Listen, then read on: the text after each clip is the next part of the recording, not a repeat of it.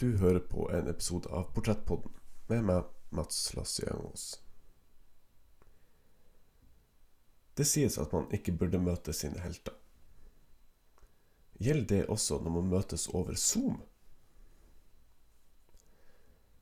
Helt siden jeg var lite barn og i storøyd beundring satt i kinomørket og slukte den nye Disney-filmen, og fram til godt voksen alder, var det én person som inspirerte meg til å starte med teater, som fikk meg til å innse at skurkene alltid har de kuleste replikkene, og som inspirerte meg til å følge drømmene mine. Min gjest i denne episoden er Håvard Bakke.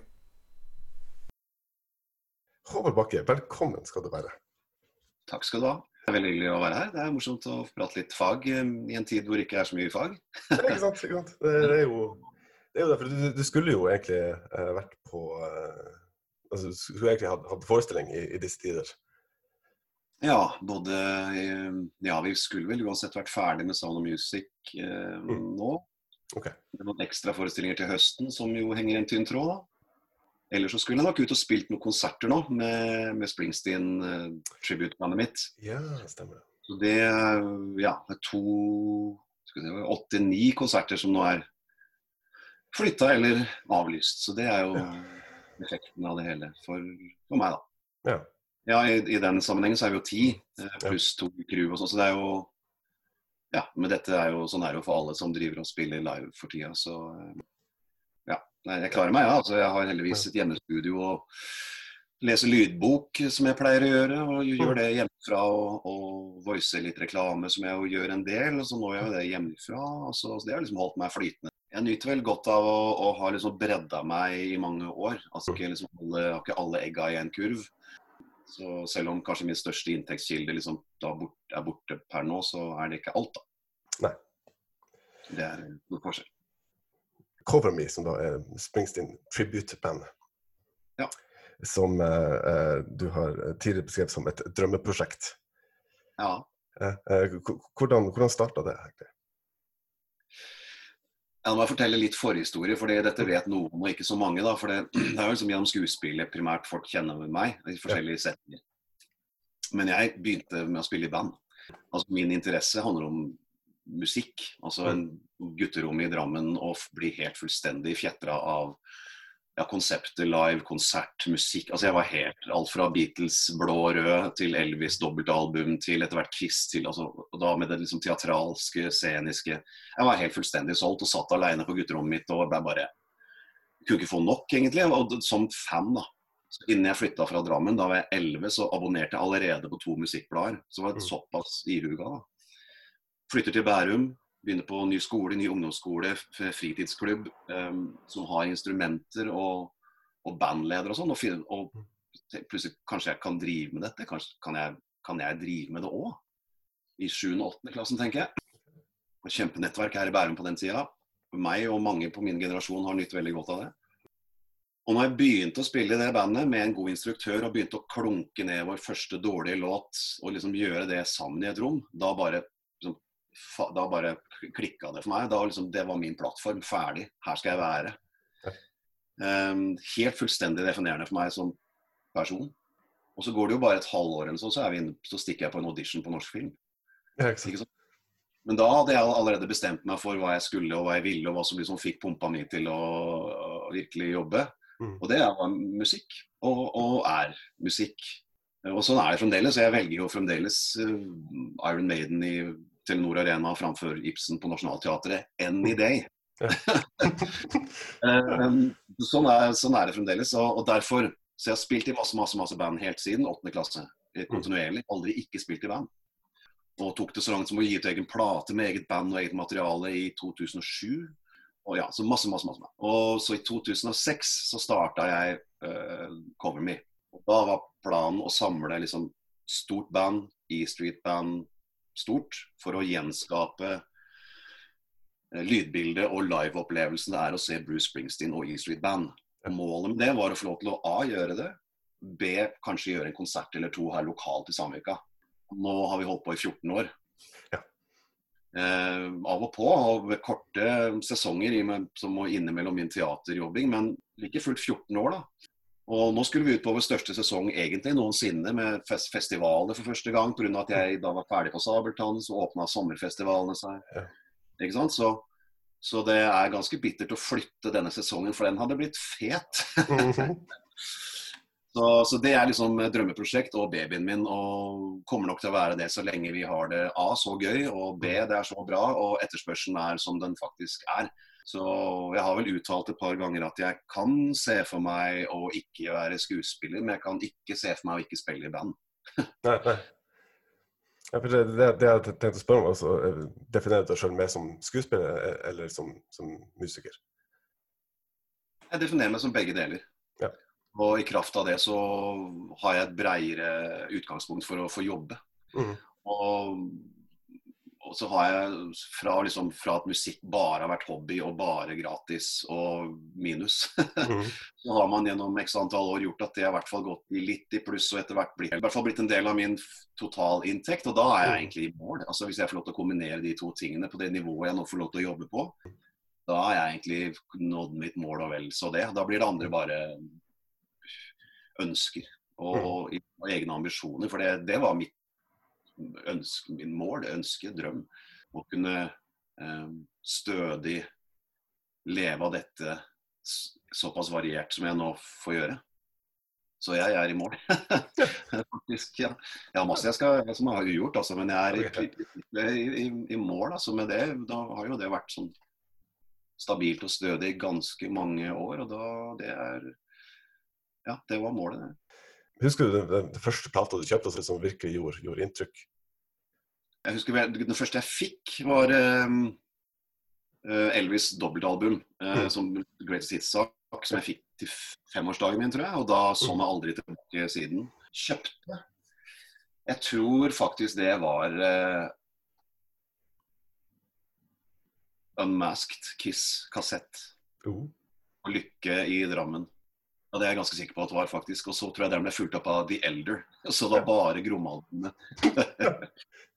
Hva har ditt forhold til Springsteen vært? Altså, det må være, som, så må være noe spesielt med, med sjefen som gjør at du vil starte tribute-band, tenker jeg.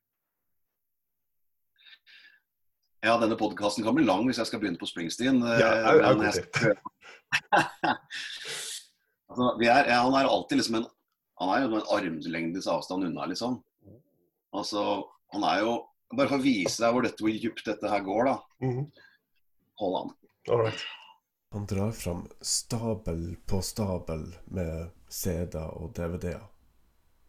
Minst to dusin. Dette er ca. halvparten. Ja. Um, og alle er ja, unike, da. Mm. Poenget mitt er at jeg har hørt på han som veldig mange andre har hatt, Born in Mm. USA, og som en av mange artister. Var det så ca. 20 år siden så, så kom det en plate som heter Live in New York City, og en DVD. Eh, og når jeg hørte den og så den, og så hva det bandet gjør sammen live, hva 20-30 års fartstid sammen gjør på en scene, Mm. hvordan de er verdens største barband på en eller annen måte. Og det er alltid bra. Det er alltid flat pedal, det er alltid full innsats, men det er aldri likt. Og det er aldri så jævlig farlig. Det er lekent og dynamisk. Og da jeg ble helt forelska i det, jeg kunne bare, jeg bare, som du ser, jeg bare kunne ikke få nok. Det er helt annerledes hver eneste gang. Likheten er at det er bra.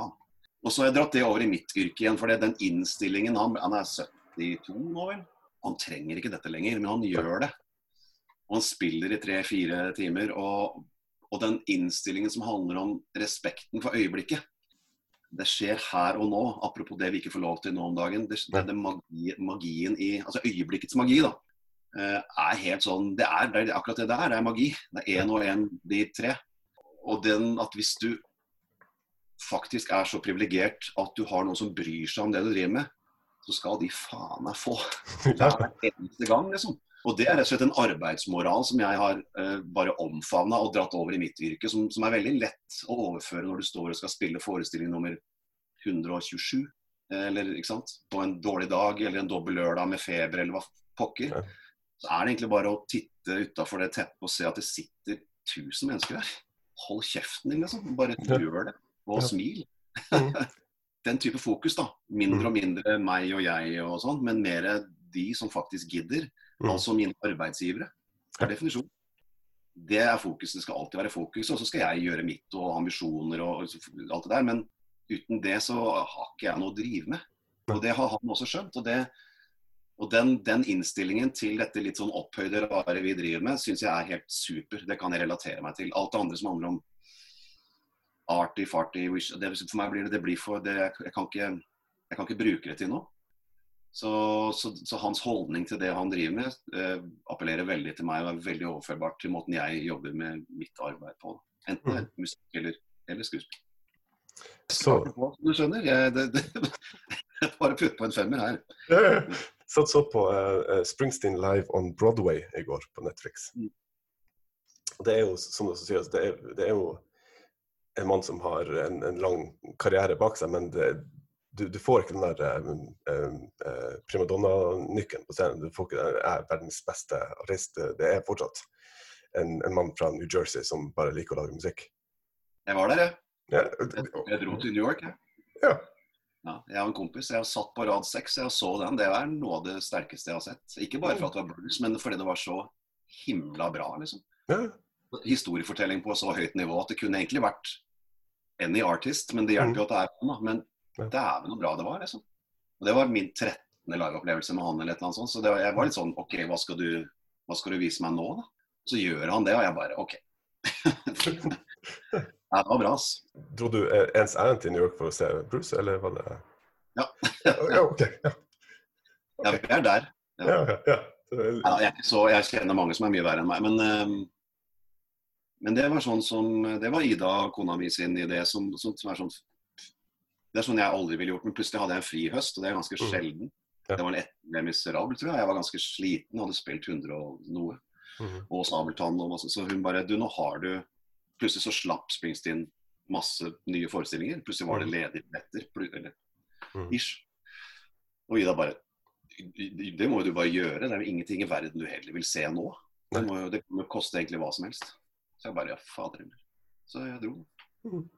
Angrer aldri på sånt. Nei, nei kjærligheten til, til, musikken var den første kjærligheten. Og, og det som det satt litt sånn stopper for, var at du, du dro på en, en, audition til en, en film eh, som da viste seg å være dønn Bourgeois.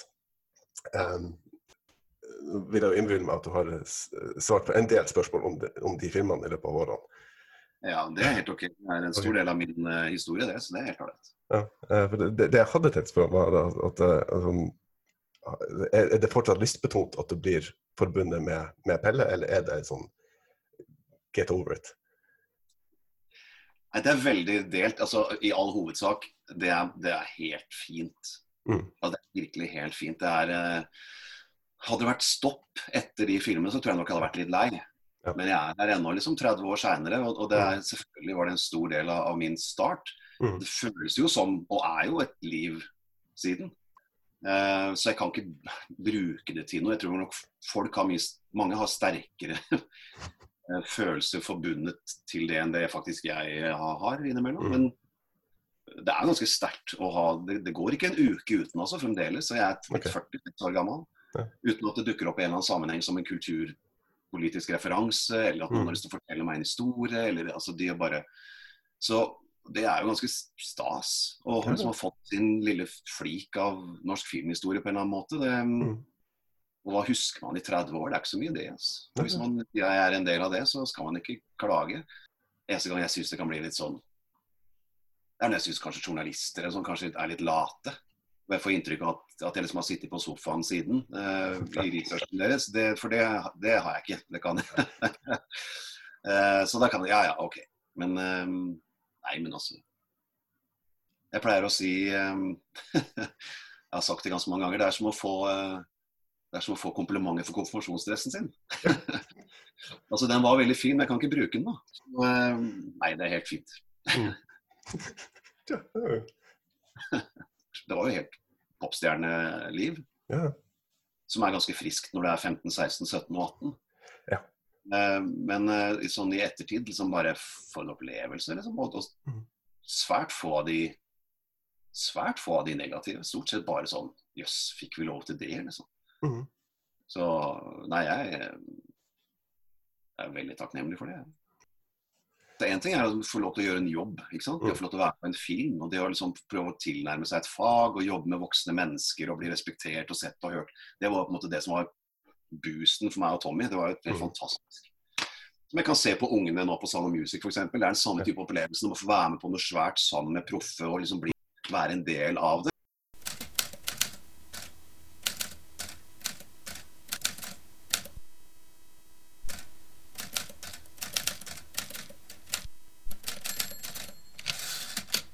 Du har jo ganske mange eh, roller som vi skal, skal tilbake til, som, som, som folk har et ganske sterkt forhold til. Eh, og til de som tror at du bare har sittet på sofaen i 30 år, så, eh, så har du jo en, en, en CV som Og det her mener jeg i aller beste betydning. Du har en CV som er lengre enn overkroppen min. Ja. Så, så du har ikke ligget på latsida i hvert fall. Nei da, det jeg har jobba på, ja, altså. Ja. Ehm, så det tror jeg nok er grunnen til at jeg på en måte er på en så, såpass ok situasjon som jeg er nå, Mm. syns jeg. da. Jeg syns, jeg syns liksom gradvis og fremdeles sakte, og, men sikkert så blir det sånn mer og mer interessante arbeidsoppgaver. og Det er liksom jevn stigning i, i terrenget, og jeg Mm. trives veldig godt med variasjon og valgmulighetene. Jeg kan tørre å si nei til ting, jeg kan Mm. velge litt sjøl. Jeg har det ganske bra og stabilt i, ja, der jeg er. Og har egne ambisjoner og ønsker om ting jeg vil ha mer av eller mindre av. Eller sånn, men det er ikke noe. Det er mer sånn små kortsiktige mål innafor butikken. på en måte.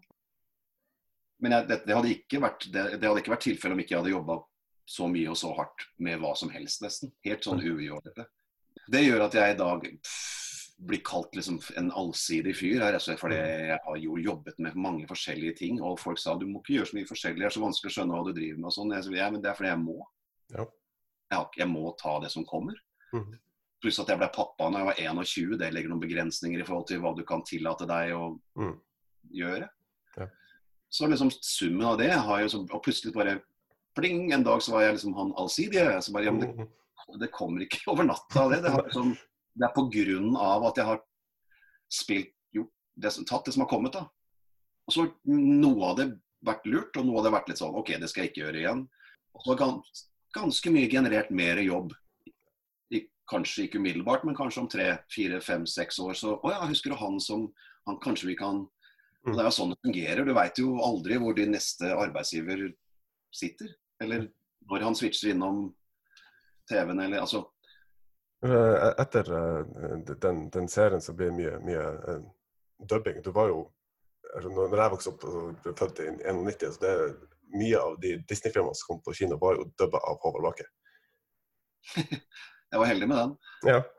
Jeg var hjemme den sommeren. ok. Nei, det er, det er fleipe. Det, er nesten, det var nesten litt sånn Det var litt sånn Fox Kids og sånn. Det var faktisk eh, Da var jeg hjemme den sommeren og fikk fryktelig mye jobb. Men eh, nei, dubbing dukka opp. Um, min første audition var til Aladdin, mm. som jeg ikke fikk. Nei. Den fikk Trond Teigen. Eh, og det syns jeg var kjempesurt, for det hadde jeg Mhm. lyst til. Men så En ting er liksom filmene som vi husker og som liksom står seg, men mm. imellom her så er det jo masse dritt. Altså masse mm. serier og liksom samlebånddubbing som er penger inn i kassa og mm. trening, egentlig. Så fikk jeg vel et par sånne serier, så etter hvert så, vet, så var Men jeg tror 'Løvenes konge' var liksom første store, da. Men det visste jo heller ikke da. Men, eh, men jeg syns jo det var en fin film. Men eh, men man, altså, det er jo veldig sånn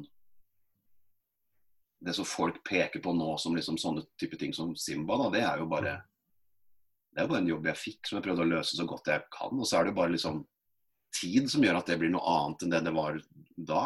Eh, Hadde jeg visst det, hadde jeg kanskje prøvd å skjerpe meg enda litt mer.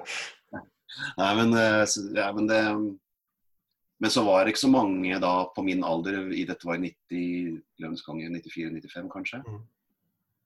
Tidlig 90-tall, altså var det ikke så mange unge på min alder med musikkbakgrunn, for du må ha litt musikalitet for å kunne treffe, da i hvert fall kunne treffe rytmikken, for da måtte du eh, faktisk treffe. Det var, det var ikke noen flyttemuligheter over, overhodet. Så du måtte, det var på bånd, liksom. Spolebånd. Ja, okay. Eh, Så du måtte treffe, ikke bare tilpasse over tid, men faktisk treffe. Da, da hjelper det å, å spille i band og ha litt rytmefølelse og sånn. Så det, Mm. men den kom, og så hadde litt hes stemme og sånn, det liker Disney. Så, da, så de kombinasjonen av de elementene gjorde at jeg fikk veldig mye jobb en periode. I veldig mange av de filmene. Og det gikk eh, så langt at jeg vet, jeg vet at når Harald Mæhle skulle lage Mulan, jeg tror jeg har gjort x antall, så står det sånn By the way, fra Burbank Disney står det By the way, you cannot test Håvard Bakke for this part. Så, så, så, så ble det jo mange med meg etter hvert. da. Men jeg fikk mye jobb, ja. Og det holdt jo virkelig Som sagt, én ting er de kvalitetsfilmene som står seg ennå. Mm. Men all samlebåndsdubbingen også var virkelig olje til mitt maskineri som Mm. frilanser og småbarnspappa. Ja, Uh, Eh, Istedenfor å spille teater jeg hata, eller dra på turné og være borte fra dattera mi. Mm. Så jeg omfavna all sånn type jobbing, det og etter hvert litt reklamevoice når det dukka opp. tenkte jeg dette er jeg på å bli god på, for her er det penger å tjene. Ja. Så jeg kan jobbe dagtid og være hjemme og være familiefar. Det er jeg på. Så den balansen der har, har jeg gjort at jeg har virkelig forvalta de studiojobbtingene òg. For å ikke være eh, bare en fraværende far. Så får heller Hamlet vente, liksom. Ja. Eh, Så kan man heller gjøre dette nå, og være til stede i barnas liv. da. Altså, ja, kanskje Foss har sagt men altså, du, du har jo gjort 'Løvenes konge', så, så teknisk sett så har du gjort 'Hamlet'. Ja, det, det, skal, jeg- det skal jeg faktisk ta med. Du, har Hamlet er hakket vanskeligere, men, eh, Jo, kanskje det. men eh, det er som Anders Bosmo sa når vi jobba sammen på Spamelot, så sa han eh, Mm. det er kulere å, å ha gjort Hamlet enn å gjøre den. Ja. Jeg tror han er inne på noe. For det er jo mye altså, gjennom, altså, gjennom Disney og, og videre i karrieren. Det er, altså, musikk har jo fulgt deg gjennom ikke bare uh, sangkarrieren, men også i, i, i teater med mye musikaler og musikkforestillinger. Ja. Uh, vært med i Hvis jeg er rett, så har vært med i syv musikaler eh, per dags dato. Ja, åtte hvis du regner Sound Music to ganger, da. Ja. Ja. Og Eh. hvilket jo er helt eh, absurd, eh, egentlig. Altså, det, apropos at man ikke helt veit hvor veien går. Det er virkelig et godt eksempel på det. Og det mener jeg ikke for å sitte og kokettere over det, sånn, men altså at hvis noen har fortalt Altså, jeg, jeg er uskolert rockesanger med artium fra videregående skole, liksom. Altså virkelig. Eh, og at jeg skal gjøre åtte musikaler, og etter hvert roller som er som ganske sånn klassisk vokalt krevende, for meg helt utopisk bare for ti år siden, liksom. Og det, men det igjen, da, ikke sant? du lærer deg hele tida 'learning by doing', og så, og så øh, liker jeg veldig godt å jobbe med formen. Jeg er ikke så glad i å høre på. Ok. Eller se Altså, jeg går ikke vel, løper ikke ned øh, West End eh, på en måte. Mm. Men jeg synes det er en ganske spennende form å jobbe i. Eh, når de elementene funker sammen, så syns jeg det er en veldig, sånn, veldig sånn kraftig og mektig pakke. da. Og der har jeg fått lov til å være med på noe som virkelig er power. Enten det er Queen eller Lemis, liksom. Så Mm. Nei, det er nok noe av det rareste, men som også noe som jeg setter veldig pris på nå. da. Men nå har jeg kanskje gjort min skjerv, altså jeg vet ikke helt hvilke andre det skulle vært nå, for å være helt ærlig. Men eh, så jeg syns kanskje det er rart at det ikke har blitt mer klassisk teater. Men er liksom, da ble det sånn istedenfor sånn. Mm. Så er det alltid tid til å gå den veien eller gjøre noe. altså Eller man følger litt det toget mens det går òg, se hvor det bærer. Og så kan man eh, Ja. Ja, så Du er jo heldigvis en allsidig skuespiller, så du kan gjøre hva, hva som helst, egentlig. Ja, men Man lærer seg i hvert fall til det ved å jobbe med folk som er bedre enn deg i de forskjellige Mm. sjangerne. Altså, jeg, jeg scenedebuterte i komedie i 2000, altså ti år etter Pelle og Proffen. Det var min første teaterjobb Mm. på Chateau Neuf i en farse slash komedie med Hege Skøyen og Sven Nordin og Nils Vogt. Liksom. Ja. Vær så god, gå ut og vær litt gøyal, gidder du? Mm. Altså, Du må bare bite tenna sammen og, og stole på at du er der fordi noen vil ha deg der. Mm. Og gjøre så godt du bare kan. Og da møtte jeg jo nydelige kolleger i f.eks. nevnte Hege, Sven, Nils, Mm. eh, ja, mange og flere også. Sigrid Run. Um, som er skikkelig gode i det faget, som bare tok meg inn og bare ja, gjorde at jeg følte meg trygg. Og så spilte vi den 116 ganger, da. Det var min Mm. første teaterforestilling. ikke sant? Det er en ganske god skole, da. Absolutt. Du lærer litt om komisk timing og. Uten at jeg, jeg tenkte ikke at jeg var en komedieskuespiller verken før eller etter det, men det er klart det blir jo bedre av det. Jo, jo. Så, og sånn har, vært, så har det vært hele tiden. altså Jeg har liksom bare vært litt sånn svamp og prøvd å Men jeg, jeg tror også nettopp at Jeg mener i hvert fall, og kjenner i hvert fall at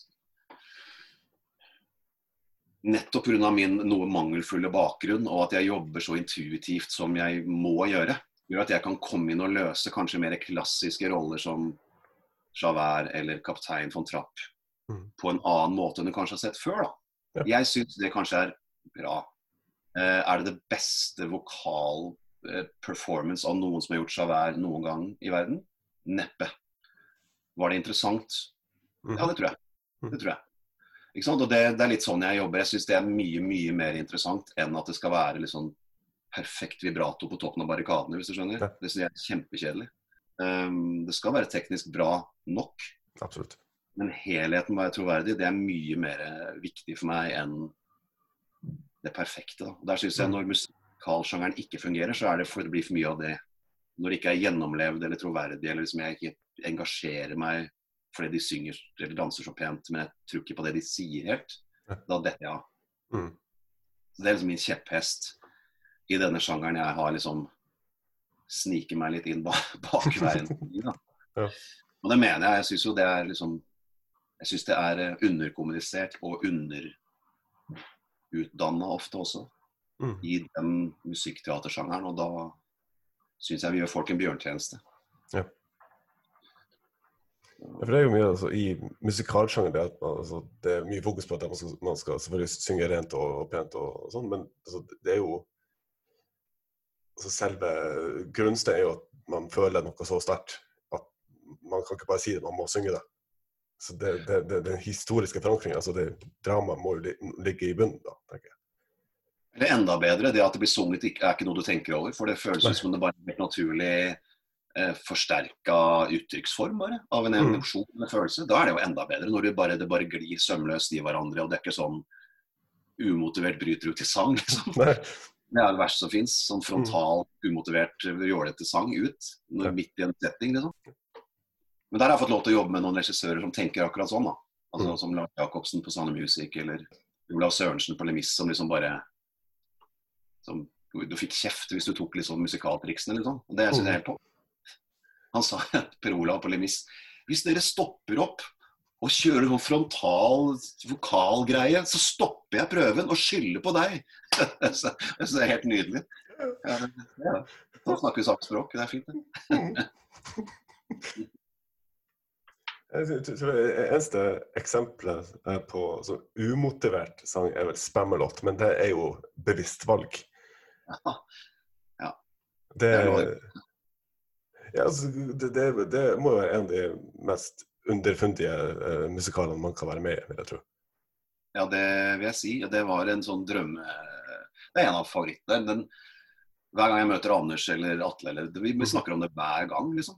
Mm. For det var bare så utrolig gøy. Og hadde, vi hadde sånn eh, Ja, vi hadde det så morsomt. Og, og så fint samhold. Helt liksom fra orkesteret opp til Atle så var det bare en gjeng som ville henge. Og vi, nei, det, var, det var en helt sånn spesiell produksjon som ja, rett og slett bare fryktelig, fryktelig morsomt. Eh, vi spilte ikke mer enn ca. 50, for den er jo ganske smal, ikke sant. Så Mm.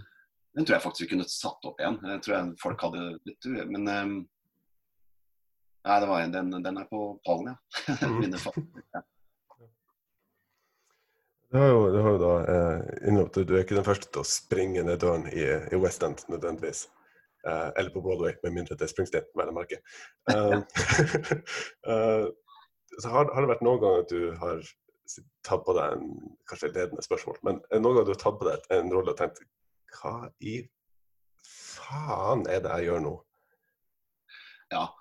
Um, men uh, det er jo noe, det høres jo sånn veldig kjekt og greit ut, sånn som jeg snakker om det i forhold til min Mm. uh, innfallsvinkel med min manglende faglige utdannelse. Men jeg, jeg, jeg sleit jo Jeg syns det var trøblete i mange år. og jeg følte at det var et mangel. Jeg følte kanskje ikke som det når jeg jobba, men sånn Jeg hadde ikke den verktøykassa, liksom. Jeg hadde ikke lingoen, jeg hadde ikke klassekameraten, eller hadde ikke eh, Romerike-klassen min, eller nett. Altså, jeg hadde, hadde liksom ikke Hadde ikke det. altså kom nok kanskje litt med lua i hånda inn i settinger pga. det. da. Og så fikk jeg kjeft av Kjersti Holmen på min produksjon nummer to for at jeg var, hadde den holdninga. Siden har jeg ikke hatt den holdninga. Hun sa bare det der skal du bare slutte med. Det er bare det bare fjas. Det er bortkasta energi. Du er her fordi du er god nok. Du er her fordi du er bra. Du er her fordi du bringer en annen energi til torgs og tolker ting på en annen måte enn det vi skolerte folk ville nødvendigvis gjort og gått i det samme. Sånn. Slutt med det. Tenkte jeg, Hvis hun kan si det, så tror jeg jeg skal slutte med det. Og det gjorde jeg. Så nå syns jeg det er en styrke, men det, jeg føler jo fremdeles at, eh, at jeg innimellom liksom kan ta litt sånn vann over huet og tenke at at jeg er litt under, ja, underskolert i noen settinger. Som f.eks. det å skulle overta Javert etter Hans Marius Hoff Mitte, f.eks. Mm. Da måtte jeg gå noen runder med meg sjøl og virkelig liksom stole på at mitt uttrykk var like bra. For han er jo ekstremt klassisk i sitt uttrykk eh, og går veier som ikke jeg eh, kan gå, eller nødvendigvis ønsker å gå. Og folk elsker det. Og så måtte jeg liksom finne min men det å gå på etter han og synge Stars, f.eks., er ikke Da skal du ha en god dag. Ja. Eh, så det tar litt tid å liksom tørre å greie å overbevise deg sjøl om at det faktisk holder. da. I tillegg til å jobbe teknikk, selvfølgelig, for det måtte jeg, det måtte jeg jo masse. Så, så, ja, jeg er ikke like jeg er ikke kjepphøy i, i, alle sammenhenger, men jeg har jo en slags det er jo sånn bekreftelse og mestringsfølelse man får etter å ha gjort dette en stund. Har gjort det ganske mange ganger og stått på scenen nesten 2000 ganger. Så at liksom jeg er inne på noe, ikke sant. Hvis jeg gjør så godt jeg kan, så vet jeg at jeg er inne på noe. At jeg har evnen til å gi deg en god kveld eller gestalte en rolle eller gjøre et eller annet. Ikke nødvendigvis på første prøvedag eller tiende prøvedag, men til slutt. Så, så det får man jo en slags sånn trygghet på, da. Kombinert selvfølgelig med alderens deilige arroganse, hvor det ikke er så farlig lenger heller. det er klart det er farlig, og det skal være kvalitativt bra, det er ikke det jeg mener. Men det er så farlig hva andre syns, så lenge du gjør så godt du kan. Jeg tenker også det, altså den, den, altså den, tryggheten og den, den, pondusen man får med å ha, ha den erfaringa i, i, i, i, bagasjen, gjør at det mulig blir, blir lettere å hoppe inn i, i Javert, f.eks., som er veldig eh, vanskelig rolle å gestalte enn f.eks. å hoppe inn i Cats på en dags varsel. ok, vet du hva. Ja, ja. jo, jo, det er jo absolutt en eh, Det er jo skrytehistorien min, rett og slett. Eh, den er jo helt, det er jo helt sinnssykt, og det er jo ikke bra, men vi kan jo ta den i kort trekk. da. Dette var den samme produsenten som jeg debuterte for, ja. Bjørn Heisdal. Talia, som det da heter og het da. Gjorde mine tre-fire første produksjoner for han verdens beste fyr. Beste fyren du kan jobbe for når du starter i denne bransjen, og det er det vel strengt tatt ennå. Han er one of the good guys. Eh, så plutselig i Jeg husker ikke årstallet lenger, men så ringer han meg, og da gjør de Cats på Chat Noir. Jeg spilte ikke teater da. Dette var en onsdag. Bjørn ringer og sier hei, hva skjer? Så sier han du, vi driver med Cats på Chat Noir. Svineinfluensaen har knocka oss helt ut. Jeg har ikke flere reserver, jeg har ingenting. Det er tomt. Jeg trenger en rockekatt. Så jeg, jaha, OK. Når da? Nei, jeg må avlyse i kveld, men jeg håpet du kunne spille i morgen. Mm. Eh, jaha. Så jeg drar inn på Chat får noter, CD, manus og skal gjøre Rum Tum Tugger i morgen dra hjem og lytter, pugger, leser, liksom bare holder på til liksom hjernen er uh, gelé. Jeg kjenner nå er det ikke plass til mer, nå bare tar jeg meg et glass vin og går og legger meg. Gjorde det. Står opp, drar inn på Chat Noir, uh, danseprøver med dansekaptein, begynner klokka ti eller et eller annet. og Etter hvert gradvis så kommer kostyme, sminke og sånn. Jeg holder på, går løypa mi. Så skal gjøre to sololåter og to mm. fellesnummer. ikke sant? Komme ned fra lyseriggen liksom, i entreen min. Det er, det er liksom, og de, folk melder seg på, sånn og sånn og sånn. Vi gjør generalprøve klokka halv fem, og så spiller vi halv åtte. Torsdag. Spilte jeg torsdag, fredag, dobbel lørdag, og så ut. For da var han eh, frisk igjen. Da. Da har jeg et sånt øyeblikk under den generalprøven hvor jeg ligger bak en sånn svær kiste og skal være i skjul før jeg skal opp og gjøre et eller annet. Så sier jeg bare, da husker jeg tenker sånn, hva er det du driver med? Du har jo ikke engang sett Cats.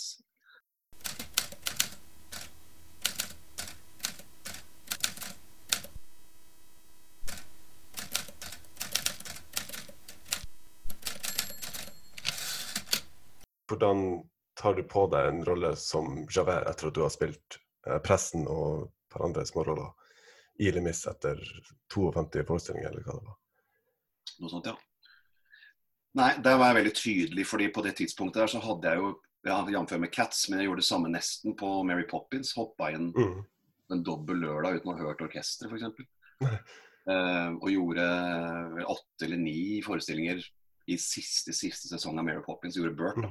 Ja. Og hadde også hoppa, vært understudy, så jeg har gjort Kaptein von Trapp før. Jeg hadde gjort en del sånn. Jeg var litt lei av å på en måte hoppe inn og redde dagen når ingen så på lenger, hvis du skjønner. Mm.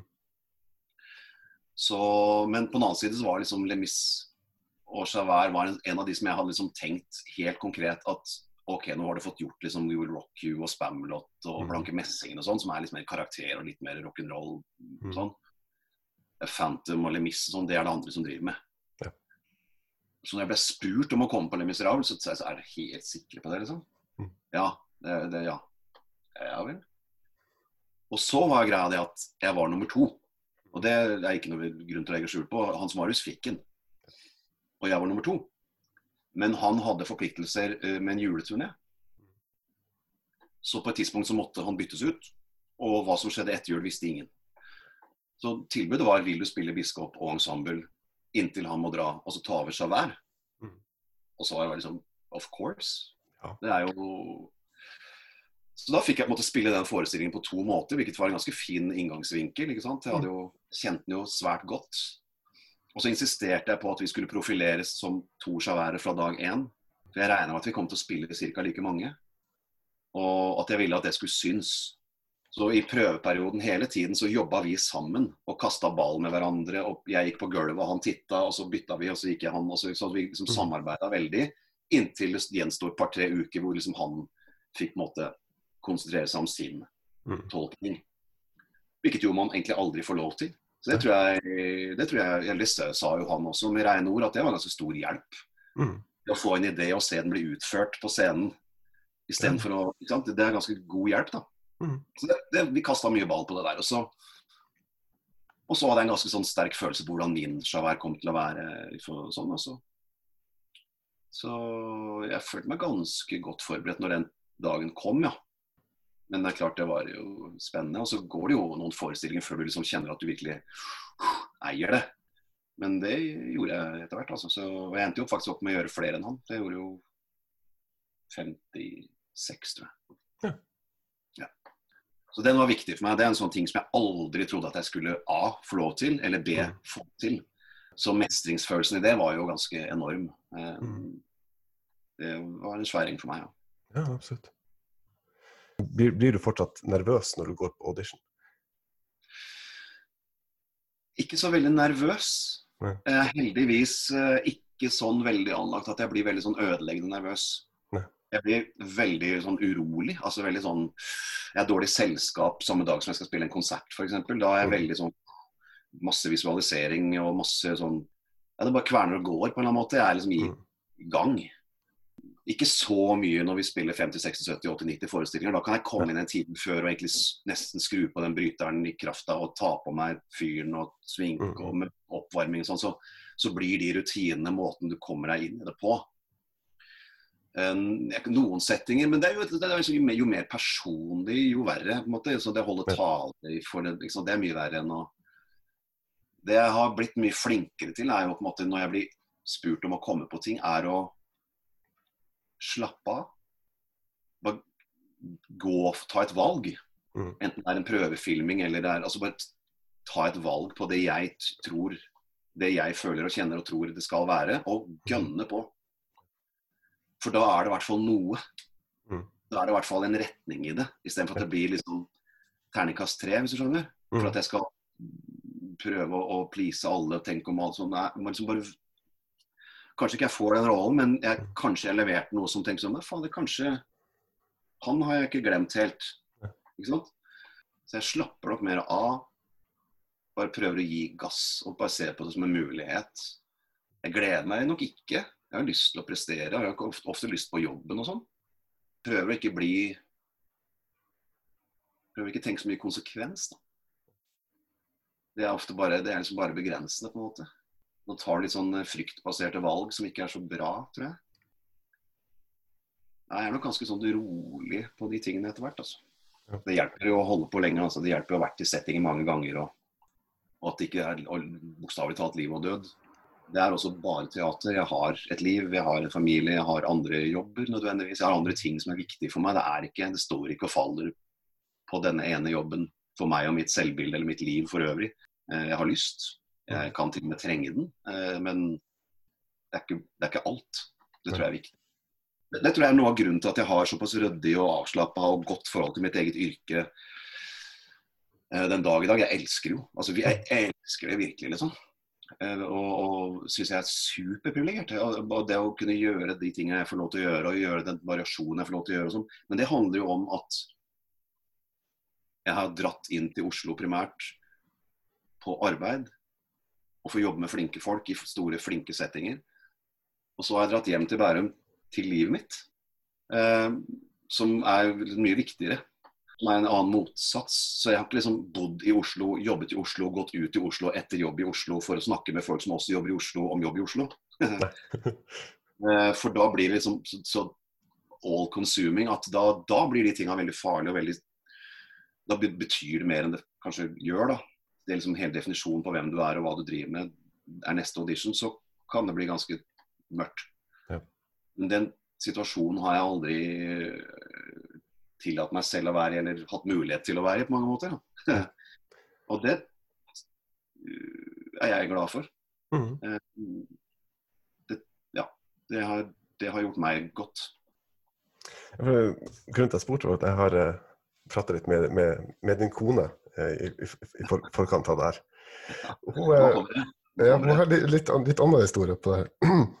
Eller litt annen versjon av historien. Uh, hun sier at om, eh, om Håvard Sitat, han er irriterende avslappa rundt auditioner og andre opptak der, der, jeg ville forberedt meg altfor mye. Og han nailer det med litt øving i bilen, liksom.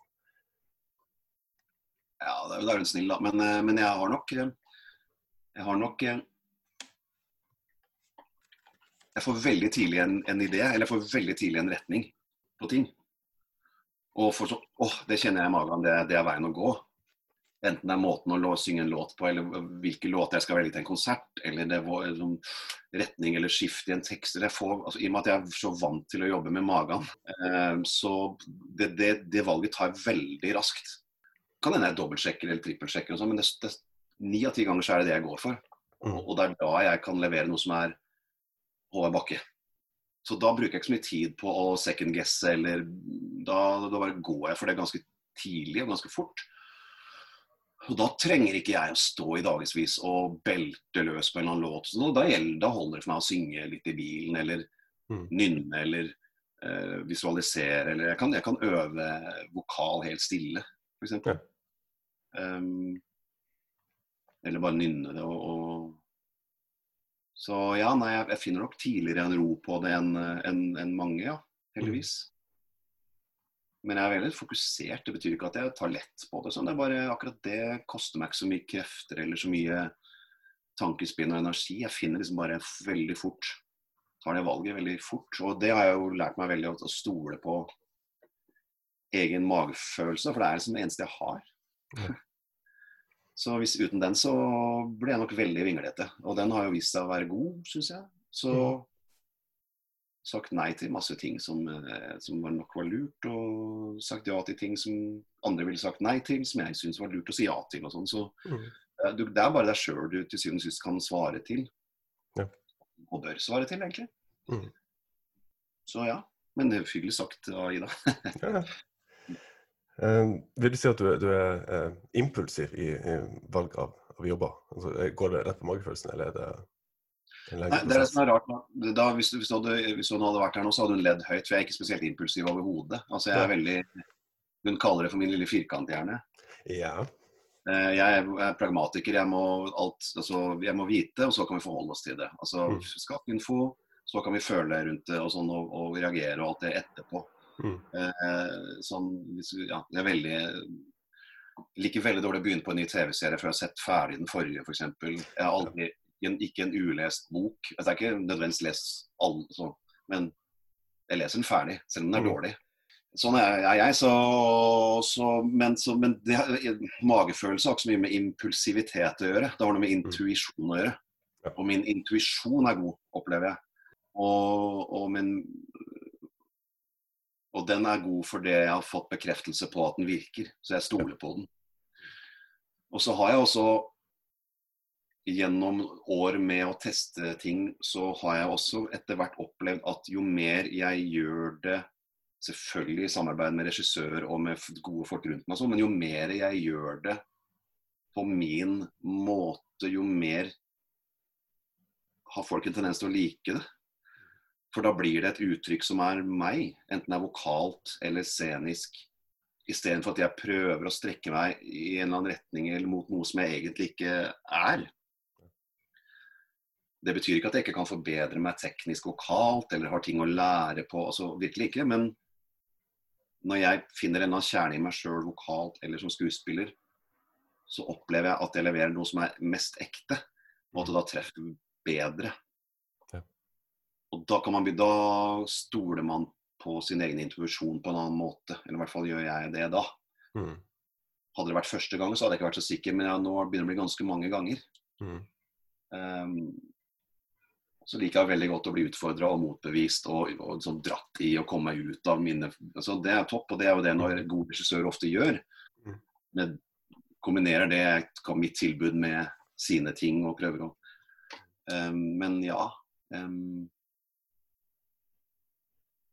det går nok på en slags intuisjon og magefølelse ofte, ja. Ja, det var en gang du, du liker å bli, bli, bli utfordra. Altså det, um, det uh, barn på, på, på min alder eh, kjenner meg som er uh, hovedsakelig gjennom, gjennom Disney. Um, og da, det, det som står sterkest, er selvfølgelig eh, rollen som, som voksne Simba i, i originale 'Røvernes konge'. Jeg må si originale, for det kom jo en, en, en ny versjon for litt av stund siden. Um, I originalen spiller da eh, store helten, eh, kvasi Hamlet. Um, og i den nye versjonen spiller den, den onde onkelen Skar. Uh, hvordan er det å komme tilbake til uh, et sånt så, såpass kjent materiale og spille fra helt annet perspektiv? Ja, det var veldig gøy. Det var litt så spesielt eh, for meg, i hvert fall. Altså, mm. Og så får andre finne ut om de syns det var noe poeng i det hele tatt. Men for meg var det jo det. Mm. Eh, selvfølgelig. Og det jo Det er jo ganske lenge siden uh, Simba. Ja, ja. Um, Og ja, et helt annet register. Og um, nei, når den muligheten bød seg, så Men jeg var inne og te- ble testa som andre folk eh, som, som vanlig og sånn. Men Mm. det var jo veldig, veldig gøy. Og jeg syns jo Jeg likte den nye versjonen òg. Det har vært veldig, veldig gøy å gjøre. den. Jeg syns den norske versjonen faktisk er vel så god som den originale, for den syns jeg var ganske glatt. Mm. Så det, det syns jeg det hjalp å få litt norske stemmer og litt eh, Ja, det er mye fine prestasjoner der òg. Ja. Så nei, det var bare sånn veldig sånn nostalgisk og hyggelig jobb å gjøre, selvfølgelig. Mm. Um, men ja, det er, det er, for noen scener er helt, helt blåkopi-manus. Mm. Så det er egentlig bare å lese de andre replikkene enn de jeg gjorde sist. Mm. Uh, så det var jo spesielt, det, i hvert fall for meg. Så, eh, så I tillegg til, til Skar har spilt eh, bl.a. Eh, Scott Wallace i Hotell Cæsar. Mm. Eh, og Javert Lemis, som også kan regnes som en hal halvveis ond, i hvert fall. ja, absolutt. Ja, eh, om, om, ja, om ikke ond, så i hvert fall misforstått. Um, altså det er jo en klisjé om at alle skurker i historie er helter i sin egen historie. Så de, tror, de tror at de gjør noe godt. Um, så, eh, men rett sånn, sånn teknisk som skuespiller er det mer interessant å spille uh, skurker enn å spille helter. Det er interessant, fordi altså For meg så var det veldig sånn, jeg var veldig takknemlig for Scott når han dukka opp. fordi Mm. Da hadde jeg faktisk gjort det før. Eh, min første jobb etter Pella Proffen-trilogien av noe Mm. størrelse er ganske mange år etterpå. Det tok noen år hvor det var Mm. helt mørkt og stille og slukka og ingen telefon ringte. Mm. Så fikk jeg etter hvert, pga. en del egeninnsats, eh, jobb i offshore. Den første så, Ja. eh, som gikk på NRK hver søndag. Mm. Million seere hver søndag, tror jeg. Mm. Og der spilte jeg en skurk. En liten rolle, men en skurk. Og for meg da etter liksom fire, fem, seks år i folks bevissthet som The Boy Next Door og liksom Mm. posterfyren, mm. Så det å få lov til å spille, det var liksom eh, veldig, veldig viktig for meg. Og veldig takknemlig og veldig glad for den muligheten. Mm. I forlengelse av det så dukker jo Scott opp noen år senere, da.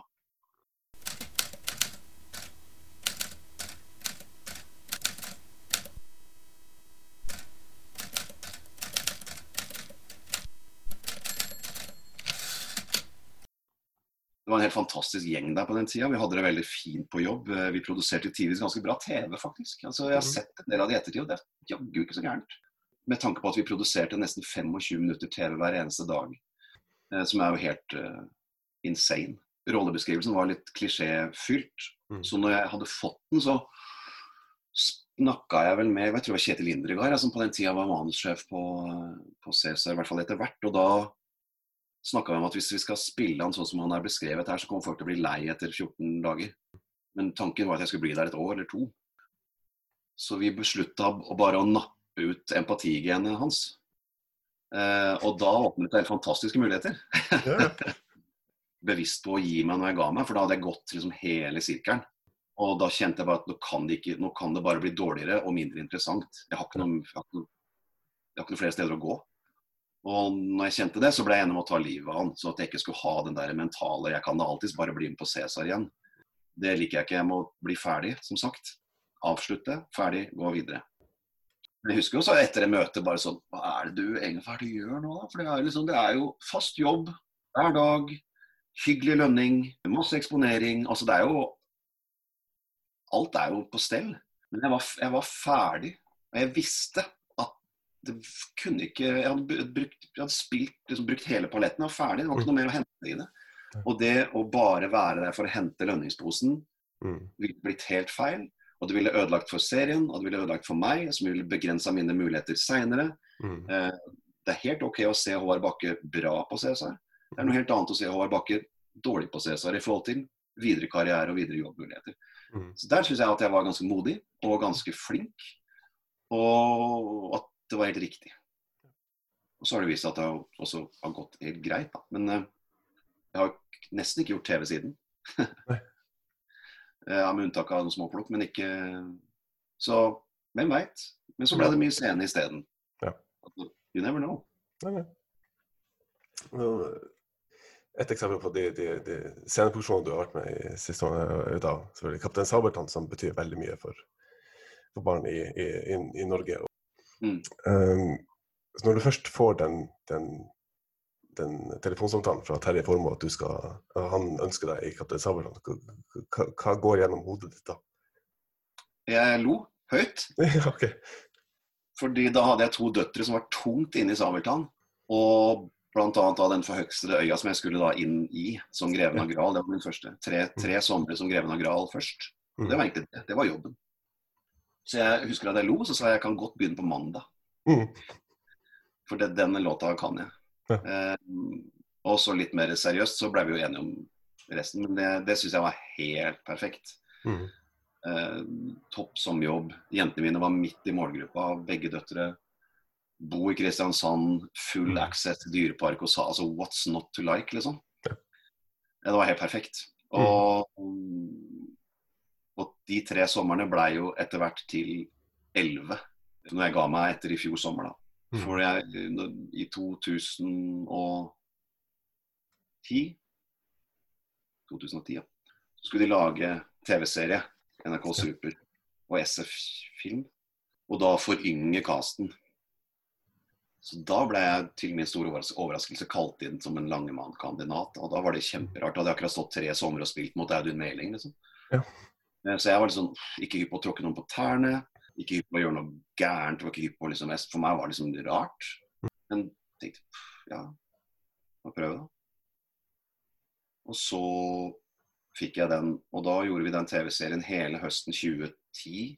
Tre og en halv måned bodde jeg på det dumme hotellet utafor og filma der borte. I en, en, en serie som vi syntes ble ganske bra. 26 kvartersepisoder som funka veldig bra mot målgruppa. Som er jo på en måte den som kidsa nå klikker seg inn på for å se. Da. Så Første gang man lagde det spesifikt for TV-formatet. Alt før var jo film og teater, som blir jo svært og rart. Etter hvert naturlig at Kyrre og etter hvert jeg også skulle da ta over på scenen. Kyrre først, og jeg tok vel et, ett eller to år tok det vel før jeg ble, tok over. ja. Mm. Så, så da, siden da så har jeg gjort vel 50-50 ish av de to. Både jeg har tatt, gjort Greven en gang til. og jeg har gjort Langemann 6 og Greven 5, tror jeg. Så, så nå har jeg sagt takk for meg. eh, etter flotte flotte opplevelser. Tusen, titusener på titusener av folk og unger. Og nå er yngstemann 17. eh, jeg har lyst på litt sommerferie. eh, nå er det greit. Men hvem vet, kanskje Greven dukker opp en gang. Det er jo ingen, ingen som veit. Men, men jeg ville ikke lenger binde meg til at det var noe jeg alltid gjorde hver sommer. Rett fra jobb, rett på jobb der nede. Spille rett på jobb i Oslo ut året. Sånn har det vært ganske mange år. og det Jeg er ikke 18 lenger heller. Jeg trenger også å liksom ta meg inn og ikke jobbe hele tiden. Mm. Så når jeg da har kommet i en posisjon hvor jeg får såpass interessante ting i Oslo på, i høstsesong, så er det jo lettere å nappe ut det du har gjort elleve år. Så, men jeg er evig takknemlig. og jeg har ikke noe, Det er ikke et vondt ord om verken Sabeltann eller Terje eller noe, noe. Virkelig ingenting med det å gjøre. Det er bare følt meg veldig ferdig nå. Det skal krible litt før du går på foran 2500 mennesker. Ja. Når de- ikke gjør det, så er det på tide å la noen andre få prøve seg. Samtidig er også et eksempel på at du, du tar over en rolle fra, fra noen andre. Så, så, um, var du nervøs når du skulle ta over for Audun Meling, eller var det og det her er bare en jobb?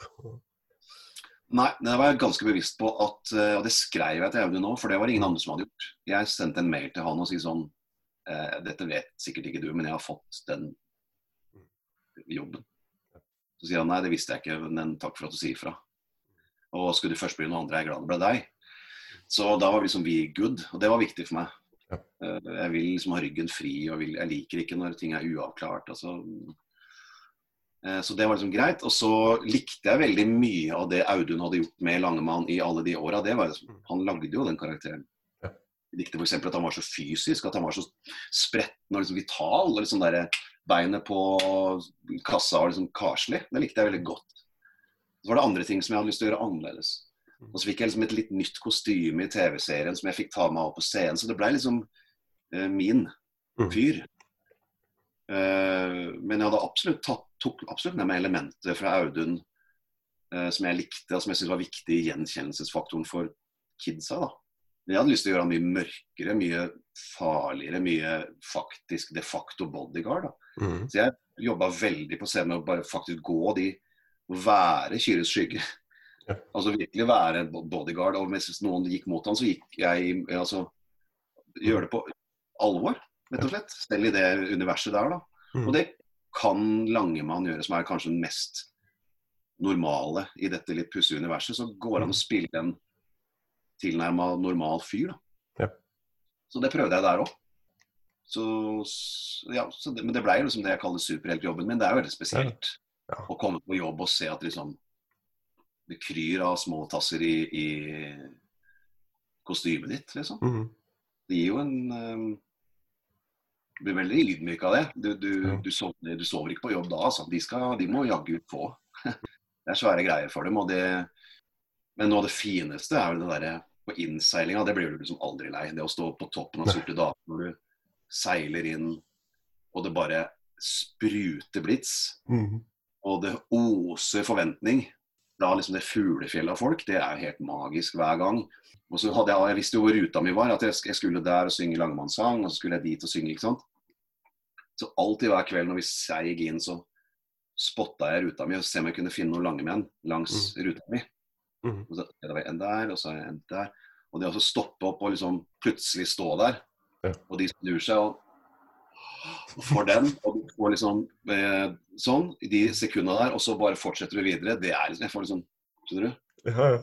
Altså, Når jeg bare forteller om det sjøl, det, for det er helt, det er magi, liksom. Det er helt magisk. Og du bare Det koster meg tre sekunder, og de glemmer det aldri. Så de øyeblikka der er sånn som men det, Du blir aldri lei av det eller mett på det. Og det er jo det å gjøre forskjell i så mange barns liv, da. Mm. Gjennom det. Det syns jeg liksom var magien med Sabeltann på mange måter. For ikke å snakke om alle møtene etterpå, som jo Jeg tror jeg kan telle nesten på én hånd de kveldene jeg har dratt rett hjem på de elleve åra. Ellers har jeg alltid stått igjen Mm. hver eneste kveld eh, for å møte eh, konkurransevinnere, eh, folk som har skrevet til Terje, diverse gjester, barn med store utfordringer, kreftavdelingen på Agder sykehus.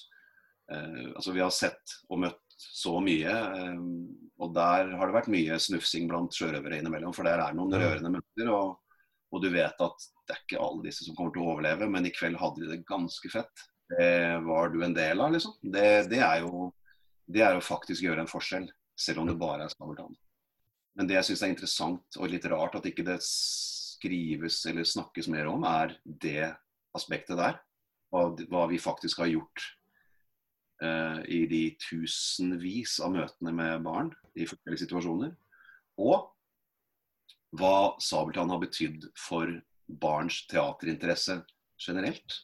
Hvis din første teateropplevelse er en sjørøvernatt i Kjuttaviga, hvor det går flammer og pyroer og sånt, da er du hypp på mer, vet du.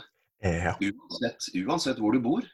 Og det må ha generert mer barneteater og mer eh, teaterlyst hos barn. Jeg kan ikke tenke Vi har spilt for 1,5 millioner mennesker, altså.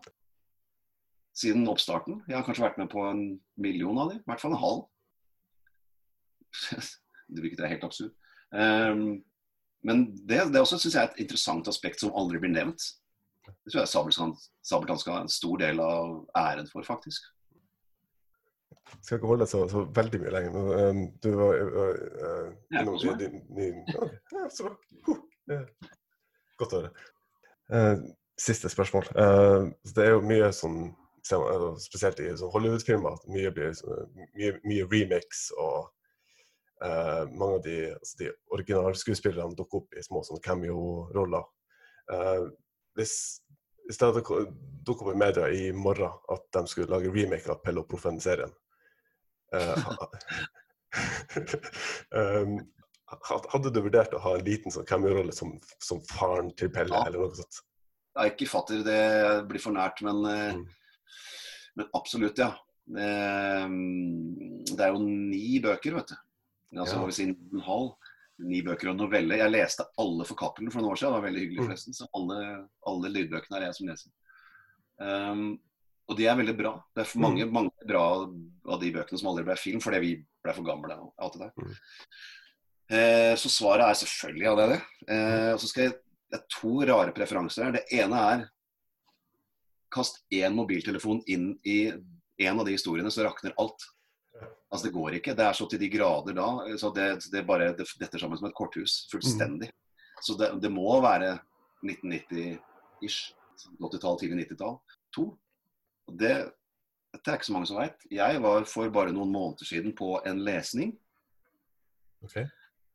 eh, sammen med Li Beck Figenschou, som spilte Lena, og Aksel Elstenius, som lagde manus, og Frank Hammersland fra Pogopops og soloartist, popsnekker, som komponist. Og et knippe ungdommer som skulle fremføre en lesning på Dramatikkens hus, den var for en drøy måned siden, halvannen, med Døden på Oslo S, The Musical. Oh. I kid you not. Hmm. Eh, tilfeldigvis er både Pelle og Proffen er liksom skolekamerater av min yngste datter. Eh, som hun spilte revy. Det ble veldig rart og nært på, på mange måter, og meta og alt. Eh, de hadde den visningen, da var jeg i Bergen eh, og så Ida på Kabaret. Eh, så jeg fikk ikke vært på selve lesningen. Mhm. Men det er planer, eh, i hvert fall et synopsis, og Frank har skrevet allerede et knippe helt strålende poplåter. Mm. Um, så hvem veit? Jeg tror ikke det blir med meg i noen rolle, men uh, kan hende historien lever videre. Mm. We'll see. Ja. Dagens scoop. Det er en perfekt måte å, å stoppe på, med, med et skup. ja. Håvard Bakke, tusen takk for at du tok deg tid til å være med. Og superhyggelig, Mats. Takk for at du ville ha meg. Bare hyggelig. Du har hørt på en episode av Portrettpodden med meg, Mats Lasse Jangås, og min gjest var Håvard Bakke. Har du gjort deg noen tanker mens du har hørt denne episoden? Har du ris eller ros eller tips du ønsker å komme med? så kan du lete opp Portrettpodden på Facebook. Portrettpodden arbeider i henhold til Vær varsom-plakaten. Takk for at nettopp du hørte på, og vi høres snart igjen.